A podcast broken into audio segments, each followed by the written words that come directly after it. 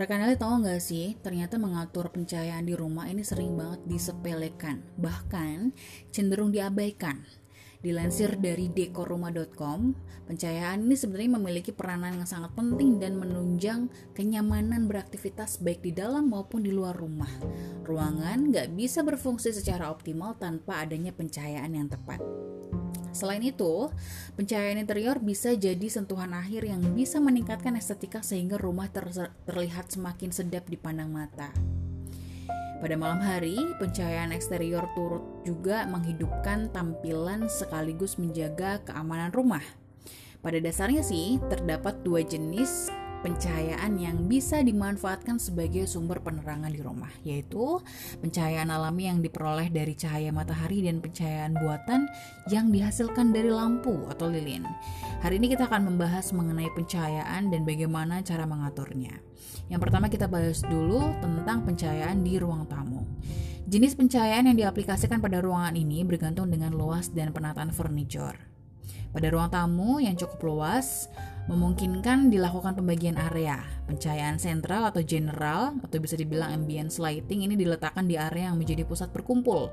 Pilih lampu dengan intensitas cahaya sedang sehingga menciptakan kesan hangat dan juga intim dan pada tiap-tiap sudutnya bisa ditambahkan lapisan pencahayaan dari lampu lantai dan lampu meja. Sedangkan kalau di rumah rekan Alit punya ruang tamu yang nggak terlalu besar, cahaya ini bisa dipantulkan ke arah plafon atau dinding uh, rumah ya, agar ruangan terkesan lebih luas. Selain itu jangan lupa untuk gunakan general lighting yang mampu mendistribusi cahaya secara merata ya. Permainan pencahayaan ini bisa diciptakan melalui lampu dinding yang fokus menyorot elemen yang menjadi focal point ruangan atau dekorasi ruang tamu yang menghadirkan kesan tertentu. Bicara tentang pencahayaan di dapur nih, beda lagi ya sama pencahayaan di ruang tamu. Dapur ini membutuhkan pencahayaan terpusat yang maksimal untuk kelangsungan aktivitas memasak. Tempatkan tas lighting berupa lampu sorot atau halogen di bagian bawah kabinet dapur yang mengarah langsung ke area kerja atau countertop. Untuk keamanan memasak, tambahkan juga touch lighting di bagian kompor dan oven. Kalau terdapat area kerja lain seperti kitchen island, maka pasang lampu gantung tepat di atasnya. Usahakan untuk nggak memasang lampu yang mengarah langsung ke area akses atau tempat pengguna bermobilisasi karena bisa menciptakan bayangan yang mengganggu saat memasak. Beda lagi dengan pencahayaan di ruang makan nih. Kalau ruang makan bisa dibilang nggak memerlukan pengaturan pencahayaan yang cukup rumit ya. Rekan Ali cukup menyediakan aja lampu gantung atau chandelier yang menghasilkan pencahayaan sentral di atas meja. Atur tinggi dan rendahnya lampu sesuai dengan kesan yang ingin ditampilkan.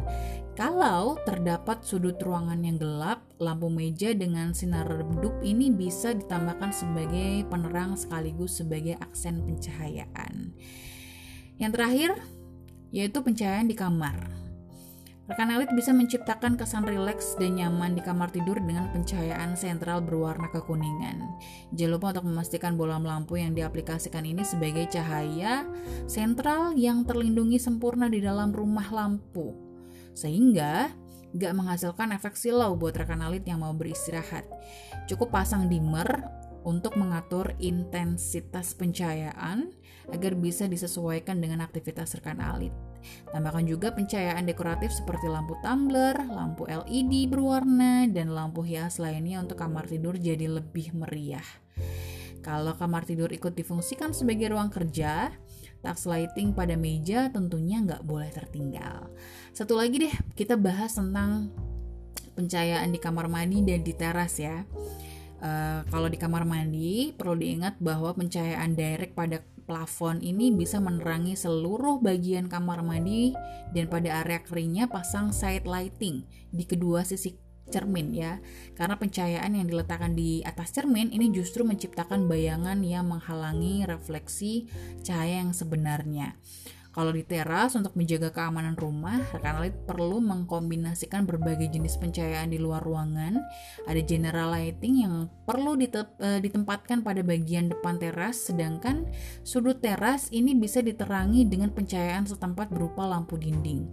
Keindahan teras juga perlu dinikmati di malam hari, jadi rekan alit boleh menggunakan pencahayaan berwarna putih atau uh, sejenisnya ya untuk menampilkan hijaunya tanaman hias dan pencahayaan kecoklatan untuk menegaskan tekstur ranting serta batang pohon yang rekan alit punya di teras atau di halaman ya.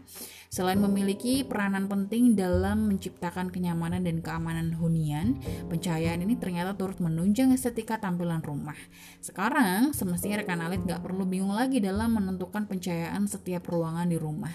Pastikan rekan alit memilih jenis lampu LED yang hemat energi sehingga pengaturan pencahayaannya gak menguras pengeluaran bulanan Anda. Terima kasih sudah menyimak belajar Oma Alit episode kali ini. Semoga bermanfaat untuk Anda. Follow fanpage dan Instagram kami di Oma Alit. Jangan lupa subscribe juga YouTube channel Oma Alit underscore interior. Hubungi kami di 085104885333 untuk berkonsultasi lebih lanjut dengan tim Oma Alit secara gratis. Oma Alit, better living for today and tomorrow.